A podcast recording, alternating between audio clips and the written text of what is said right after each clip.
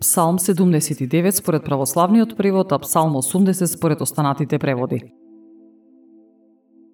Пастиру Израилев, послушај. Ти кој го водиш Јосиф како стадо, кој седиш над херовимите, заблескај. Пред Ефрем, Венијамин и Манасија, издигни ја славата своја и дојди да не спасиш. Боже, поврати не, нека светне лицето Твој ние ќе се спасиме. Господи Боже на силите, до кога ќе бидеш гневен на молитвата од слугите Твои?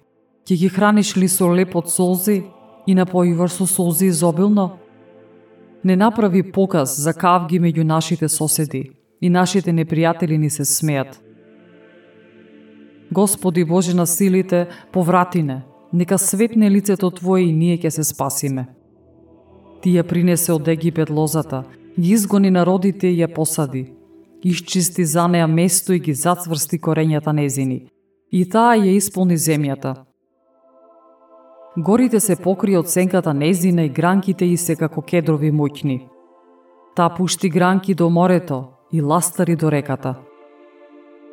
Зошто ја сруши незината ограда, па да ја берат сите што минуваат по патот? Горскиот вепар ја подгризува и поската зверка ја јаде – Боже на силите, сврти се, погледа од небесата и види го и посети го ова лозје. И утврди го она што го посади десницата Твоја. Погледај на синот што си го одгледал за себе. Тоа е со оган обгорено и раскопано. Од страв пред Твоето лице нека пропаднат. Твојата десница, нека биде над човекот на Твојата десница, синот, кого си го одгледал за себе. А ние нема да отстапиме од Тебе, оживеј не и ние ќе го призиваме Твоето име.